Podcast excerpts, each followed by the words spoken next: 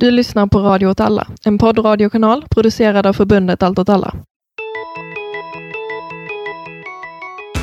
Designing Disorder, Experiments and Disruptions in the City av Pablo Sendra och Richard Sennett eh, för att försöka förstå hur vi kan skapa städer som inte bara inordnar människor enligt logiker, utan som även möjliggör för människor att utvecklas och utveckla städer i sin tur.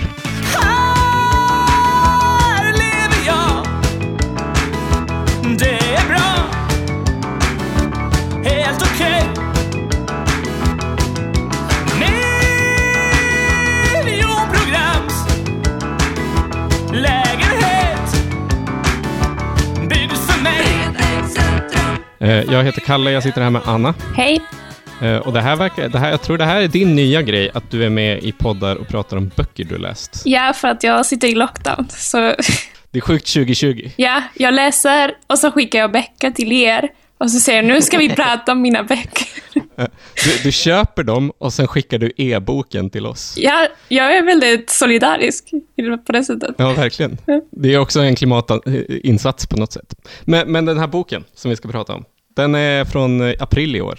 Eh, och det är en bok om eh, arkitektur. Jag, jag tycker att det är en otroligt spännande liksom, bok, för att den, för att den liksom handlar om Um, hur, hur städer skapas och hur människor i sin tur skapas av städer som skapas. För att jag, jag, har, ju, jag har ingen liksom, bakgrund inom arkitektur, jag har ingen sån liksom, kompetens överhuvudtaget. uh, Men jag har alltid tyckt att det är väldigt spännande att läsa kring tankar kring hur man bygger stad eller hur man skapar stad. Mm. Eh, Just för att det är, stad är något så extremt speciellt. Det är inte bara eh, det är inte bara någonting man bygger och sen är det klart, liksom, utan det är någonting som ständigt reproducerar sig självt. På många sätt. Det är generellt sett därför design är intressant. Liksom. Eh, när, man, när man pratar om liksom, politik och hur man vill förändra samhälle och system, så eh, pratar man ofta hur man ska omorganisera, så till exempel ett arbete, eller hur man ska Mm. omorganisera sättet ett samhälle fungerar på. Och det brukar vara i termer av så att man, man flyttar lite papper, man ändrar en struktur, man styr om hur saker sker. Medan liksom när det kommer till arkitektur och stadsplanering så handlar det om att man omorganiserar liksom det byggda rummet, alltså b- platser och, och fysiska miljöer, vilket är någonting så extremt beständigt, vilket jag tycker är väldigt spännande. Just hur man, när man omstrukturerar en stad, så har man inte bara omstrukturerat den för stunden, utan den är, den är kvar även efter. Ja, Bara det gör det spännande. men sen också att alltså, vi strukturerar städer är en liksom, reflektion av hur vi strukturerar vårt samhälle. Det fungerar på Mm. båda håll. Och det har man sett liksom, alltså det finns en analys eh, historiskt om hur olika sätt att tänka har ändrat hur städer tänks. Det mest ikoniska exemplet är kanske Berlin i sekelskiftet. För att Berlin var, var en stad som, som tänktes fullt ut som en modernistisk stad. Berlin fanns inte innan industrialismen, det var liksom en by. Så byggdes hela den staden utifrån de premisser. Ja, man kan prata hur länge som helst om det, men hur städer är liksom en spegel av den sociala organiseringen och hur människor tänker. Det, det finns ju också en väldigt stolt liksom, vänstertradition av att tänka kring hur städer ska organiseras, eller hur, hur liksom, eh, den, den levda miljön ska organiseras. Ja. Både inom arkitektur, men också stadsplanering och all form av ingenjörskonst och design. Liksom. Mm. Det, det, och det handlar ju just om det att man, om man tänker att man vill i grunden omforma eh, världen, Mm. så, så är det liksom den byggda miljön ett så självklart sätt att göra det. För du, Ja. du, du kan göra det radikalt och dramatiskt, men du gör det också beständigt. Liksom. Jag tänker att också eh, de mest radikala liksom, förändringar i, i form, i hur man förstår form och, och, och städer och arkitektur har också skett i samband med, med revolutioner, med liksom, ändringar i, i hur man har tänkt. Alltså, eh, den ryska revolutionen var ju det var en revolution också för form och estetik som sen har präglat hela världen och nu ser man inte att det grundades där men konstruktivismen var liksom en grund för ett, ett annat sätt att förstå eh, form. Och när man ser vad de gjorde då, så ser man att det är exakt det vi gör idag. Och det har inte skett mycket sedan dess, äntligen. Ja, för att det är viktigt att just en del av, av den ifrågasättande av liksom det här kanske besatthet som man har haft med form kom just på 70-talet. Och Richard Sennett var en del av den kritiken. Där man började liksom kritisera att det, liksom, det räcker inte med form eller så. Och man måste också eh, ändra vilka är det som, som bebor de platser och hur de strukturer fungerar. Alltså de sociala strukturer. Vilket jag tycker de gör väldigt bra i den här boken, att de pratar både om, om det sociala och hur det speglas i, i staden. Men att man behöver sociala strukturer. Men, men det finns ett nyckelbegrepp i, i hela boken. Alltså boken heter Designing Disorder. Ja. Och, och det, disorder är liksom någon slags nyckelbegrepp som går igenom hela. Det finns lite olika andra begrepp, men, men, men oordning är liksom det, det centrala. Mm. Och, och det finns en definition som jag, jag fritt översatt eh, på bekostnad av författarna kanske. Men, men där oordning eller disorder definieras så här.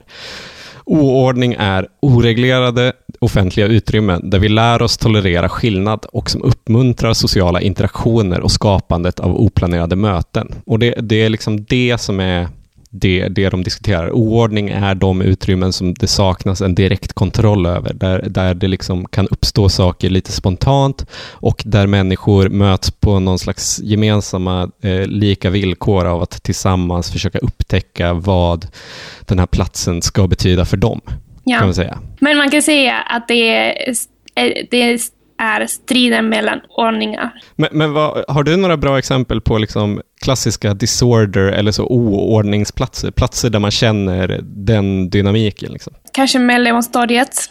Det är oordning i stunder. För att grejen med mellanstadiet är att den har liksom ett schema. Och den, den fungerar dygnet runt, men med väldigt olika funktioner. Och när de funktionerna möts, det är då det är liksom, vad är det som händer i den här platsen? För att det, det sker liksom lite som en, det är inte en konflikt, men det är, det är någonting som inte klickar. Det, det, när, det, när det är så väldigt o, olika typer av normer och ordningar som möts Ja. plötsligt. Det är fascinerande. Ty, typ när ett gött gäng A-lagare, i brist på bättre ord, sitter där och det, plötsligt kommer det dit en stor sop och ska sopa upp hela torget. Liksom. Det, är en, det är en märklig dynamik. Liksom. Och att det sen går över till fylleslag varje kväll. Liksom. Ja. Men, men eh, andra exempel man kan, man kan ju prata om, egentligen så tycker jag att o, man, man känner av den här oordningen eh, lite latent på flera olika platser. Alltså Mm. jag, jag kan också tycka att man känner, känner den på generellt sett alla liksom platser som, där, där, där funktionen inte är helt definierad, där det är liksom lite oklart vad det ska vara. Det, Mm. det, ett, ett favoritexempel för mig är ju ett jag, jag har pratat väldigt mycket om en ödetomt på Sorgenfri i den här podden, men, men jag har fått explicita order från dig att inte prata om Sorgenfri-lägret den här gången. Men, men en annan fantastisk ödetomt i Malmö är ju den vid, längs med kontinentalbanan uppe vid, eh, på väg till Kirseberg från Värnhem. Som är en stor, Ah, ja, jättestor grön, grönutrymme Ja. som är gigantiskt. Där ska det bli bostäder nu. Men, men det har hur länge som helst bara varit tomt. Och så, och så har det liksom varit helt outtalat, vad ska det här vara?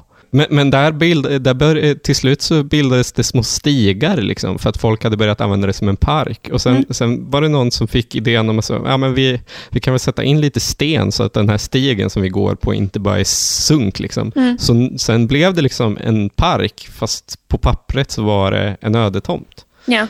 Eh, och, och sen till slut så byggdes det en liten hundrastplats där inne liksom, av kommunen. Och så, så den här liksom, oordningen fick liksom växa fram organiskt och sen fick de funktioner som det fyllde i människors liv fick liksom befästas på olika sätt. Och det är ett jävla tramsigt exempel liksom, att prata om eh, en ödetomt i norra Malmö som är ett radikalt och fascinerande projekt. Liksom. Men, men, men, men det är liksom ett exempel på, på sätt man kan tänka kring det här. Det bodde ju också hemlösa i, på den ödetomten Mm. ett tag.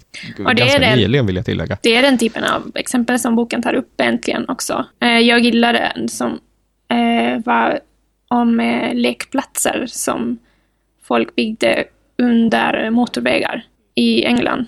Men hur de här liksom små aktioner som byggs på tiden också börjar liksom skapa nya relationer i, i sådana platser. Det är ju det är ett väldigt så långsamt sätt att tänka. Det, Mm. det, boken tar ju också avstamp i att eh, det sättet att tänka kring oordning, att det är någonting som måste ske organiskt, att det, att, att det finns någonting naturligt gott i att du har en tom yta som människor får fylla med egen mening. Mm. Att det, alltså det, är, det är ju sant, det tycker man ju är fascinerande. Men det de försöker göra är ju just det de skriver i titeln, designing disorder. Hur Mm. man skapar förutsättningarna för det, hur man skapar, skapar den dynamiken fast på ett systematiskt sätt som kan, eh, kan leda till den typen av eh, intressanta resultat, fast utan att det ska behöva ta 30 år av avindustrialisering Mm. och så att kommunen ska titta bort och inte veta vad de ska göra. Liksom. Ja. Hur, hur skapar man det mer medvetet? Liksom? Ja, men sen tänker jag boken utgår lite från premissen att, att oordning liksom skapar demokrati på något sätt. Att den, den ger förutsättningar för demokrati. Vilket jag tycker är någonting som man kan diskutera. Men, men till att börja med så borde vi, om vi ska prata om det så måste vi till att börja med prata om vad demokrati är. För de, de menar ju inte demokrati i egenskap av liksom någon typ av styre, utan eh, de, de pratar ju om demokrati i termer av deltagande. Att man, att man å ena sidan kan tänka kring demokrati som det är det sätt vi styr, styr vårt land, att det, att det är ett, ett, ett fast system Ja, som jo. fungerar på dessa och dessa sätt. Och sen kan man tänka kring det i former av deltagande Ja. att, att, att demokrati är en praktik, att, att demokrati är någonting man kan utöva Ja. eh, och skapa liksom, och producera. Eh, och att varje, varje liksom, personligt deltagande i processen av att förändra världen, Mm. att, det, att det är demokrati på något sätt. Det är ju i de termerna de pratar om demokrati. Ja. Eller jag tänker att det finns lite av en romantisk idé inom arkitektur eller stadsplanering att låt människor göra saker och så och, och, och, och det är demokrati. Ge dem en, en liten struktur och så kommer de fylla den med glädje. och det, och jag, jag tror inte det fungerar riktigt så. Eller jag, jag tror att, att man måste ge lite mer än det. Och, och i det kommer de, de här mer sociala strukturer. Och hur man måste, ha- alltså man måste ha dem från början på något sätt. Eller skapa dem. Men de måste finnas. Och man har sett, för det har blivit lite trendigt med det här av lämna oavslutade projekt.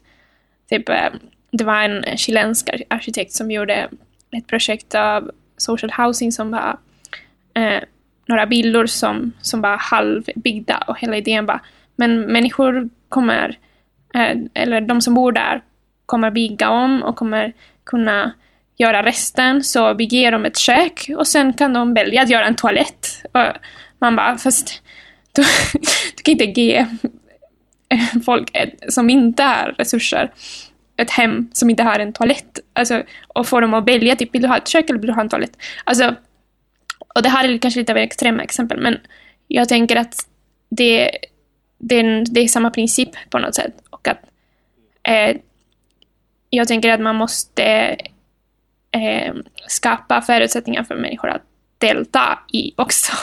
Och inte vara ge en fysisk struktur genom hela boken så tänkte jag också att så, eh, många av de här sakerna är ju saker man också ser i så planeringsdokument. Mm. Alltså just de här formuleringarna kring spontanitet och att, att staden ska vara ett utrymme för olikheter, att samexistera och tillsammans skapa nya saker och innovationer, citattecken och så vidare. Mm. Att, att det, det är ju ett sätt att tänka som ligger nära en själv, Mm. men, men det är också ett sätt att tänka som ligger väldigt nära till liksom det just nu varande planeringsidealet. Alltså så, Ja.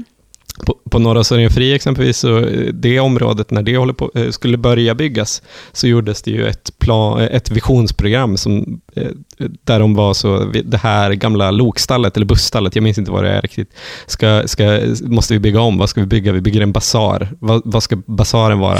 Men det kan vara typ en, ett tomt utrymme som folk kan fylla med mening och så var deras exempel. Så man ska kunna ställa upp eh, spontana fotbollsmatcher och dansföreställningar. Liksom. Men, men hela det projektet, egentligen det det mest av allt var, var ju att de förtätade i centrala Malmö Mm. och byggde bostäder som bara en, en, en väldigt litet fåtal av Malmöborna har råd att bo i. Ja.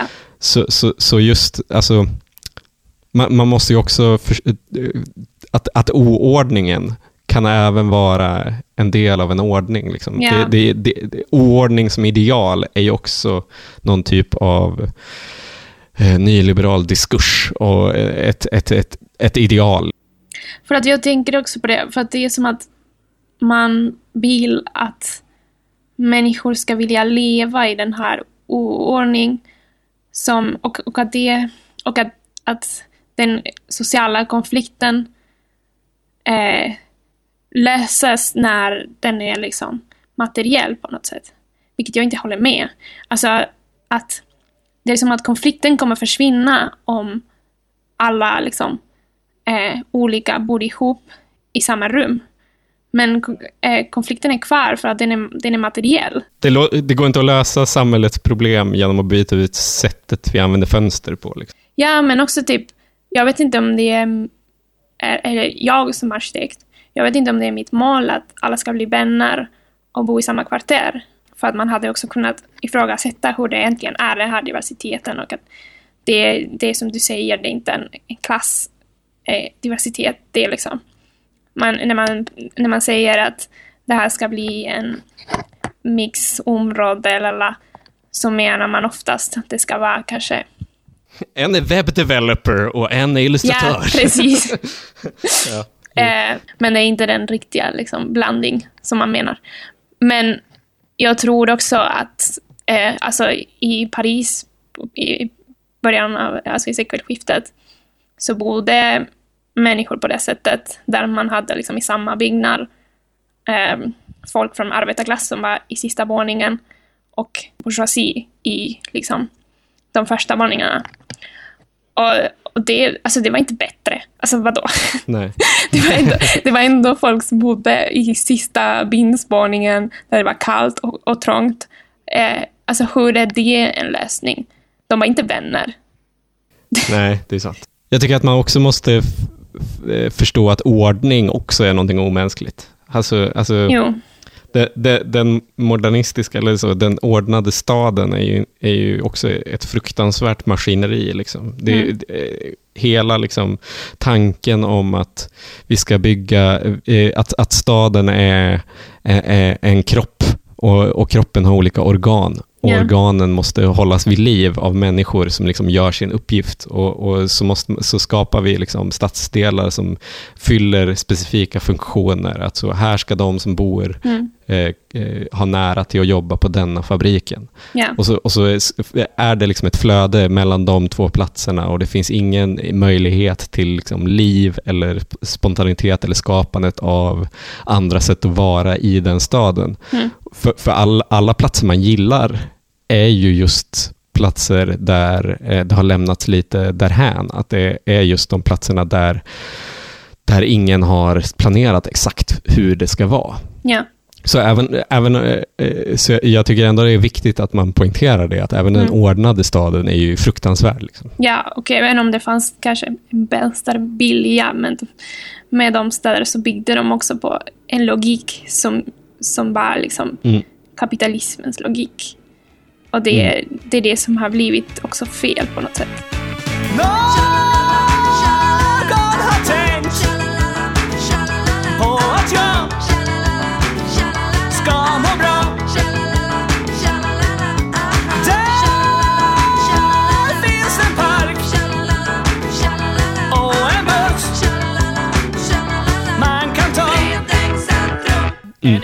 alltså om man ska prata om miljonprogrammet så är det ju både liksom det som är mest lyckat och det som är mest misslyckat med miljonprogrammen är ju just de delarna som man lämnade därhän. Mm. Alltså, eh, det finns ju flera så förortscentrum, bland annat i Malmö, typ Rosengård centrum, Nydala centrum, som har, har, fyller väldigt f- fascinerande och viktiga funktioner i eh, just på grund av att de har lämnats Ja. eh, oreglerade på många sätt. Att, att, eh, att folk har kunnat skapa, eh, ska, eh, göra om de platserna till sina egna på många sätt. Ja. Är ju, är ju, är ju det som har varit räddningen för dem.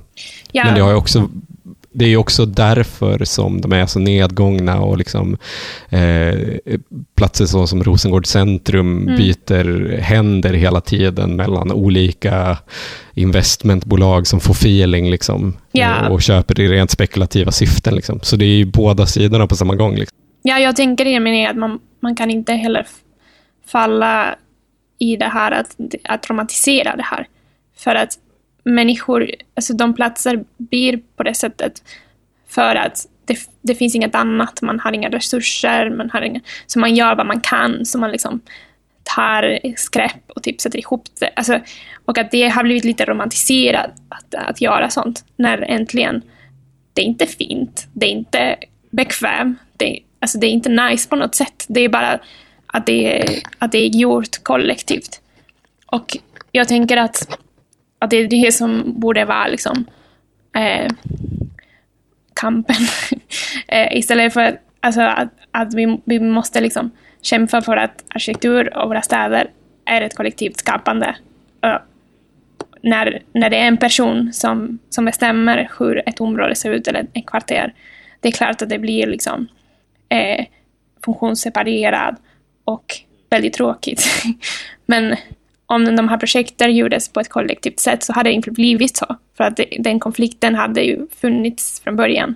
Men, men jag kände väldigt starkt att det jag ville eh, när jag läste, eller det jag kände att jag ville, ville uppnå politiskt, det är att jag vill skapa oordning där det finns ordning och skapa ordning där det finns oordning. Ja. Och det var det, det var det jag tog med mig ganska mycket. Liksom. Mm. Men, men, då, men, men, men eh, det sätt de beskriver liksom det oordnade rummet är ju väldigt mycket som en, en, en slät yta som kan fyllas. Liksom. Men även det tyckte jag var lite skevt. För alltså så, det, det finns, jag kan räkna upp eh, många exempel på liksom platser som inte på grund av dess sl, alltså släthet och, eller så tomhet har blivit platser för spontana möten. Alltså, eh, ett exempel som ligger väldigt nära till hands är Apberget i Umeå, som var Eh, en liten trappa. Liksom. Man får gärna googla upp bilder på Apberget i Umeå om man inte varit där. Det var liksom en liten trappa med en liten platå högst uppe. Det var eh, eh, en väldigt litet utrymme, liksom. kanske 50 kvadratmeter högst sammanlagt,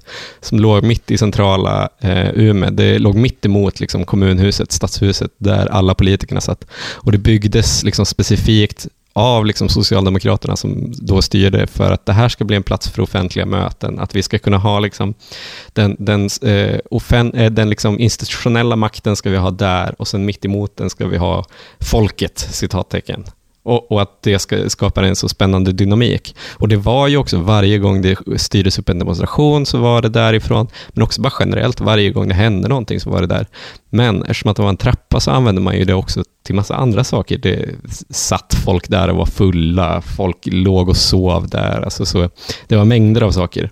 Eh, och sen, jag minns inte om det var 2014 eller strax efter, men Umeå var kulturhuvudstad i Europa 2014 och så var det i koppling till det så beslutade man att man skulle riva Apberget och bygga om i hela det torget. Eh, det hände massa saker kring det, bland annat så var det att de som sålde korv där blev tillsagda att de skulle byta ut sina korvstånd mot så Umeå kommun korvstånd som var så specialdesignade och, och det var bara så, så hade de så gamla gubbar som hade jobbat med det hela sitt liv och som var så, men jag kan inte ha det här för att jag behöver ju, behöver ju värme och jag har ju byggt min egen vagn just så att den ska vara varm, det är ju asnice här inne. Och eh, Umeå kommun var så, äh, fuck off, det bryter mot vår grafiska profil. Typ.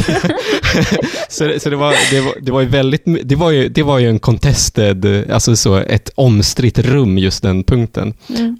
Och, och om man nu åker till Umeå så har det blivit en slät yta. Mm. Men inga av de här spontana och intressanta eh, mötena eller skeendena sker där längre. Ja. För att nu är det bara liksom helt platt. Alla torg Oj, oj, oj. i Sverige är helt platt.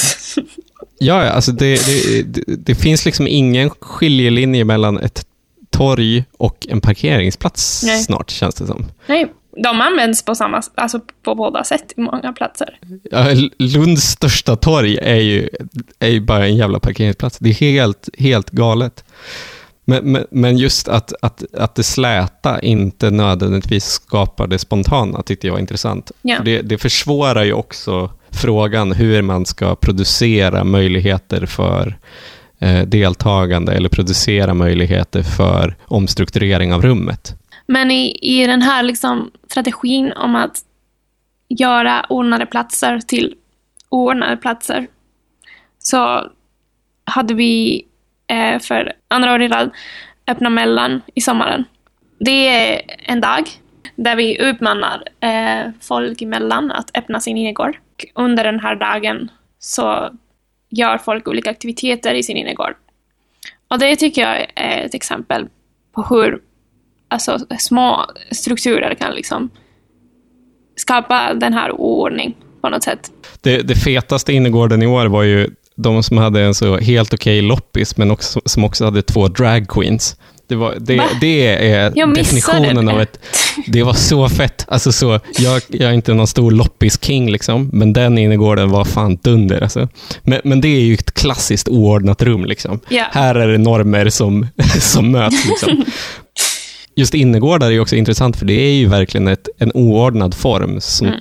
som ordnades. Att, att man hade så utrymmen omslutet av liksom, hus som var öppna, Ja. både för dem utanför och inne, men som liksom har eh, stängts in både liksom inuti själva gårdarna, men också från världen utanför. Och egentligen också, alltså innergårdarna fyll, fyllde mer av en ren praktisk funktion av att liksom ha mer ljus och luft, men som blev sen ett kollektivt rum.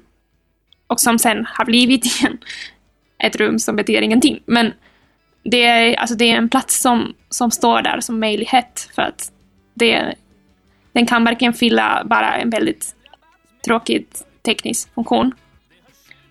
Men den kan verkligen vara en plats som det var i sommaren.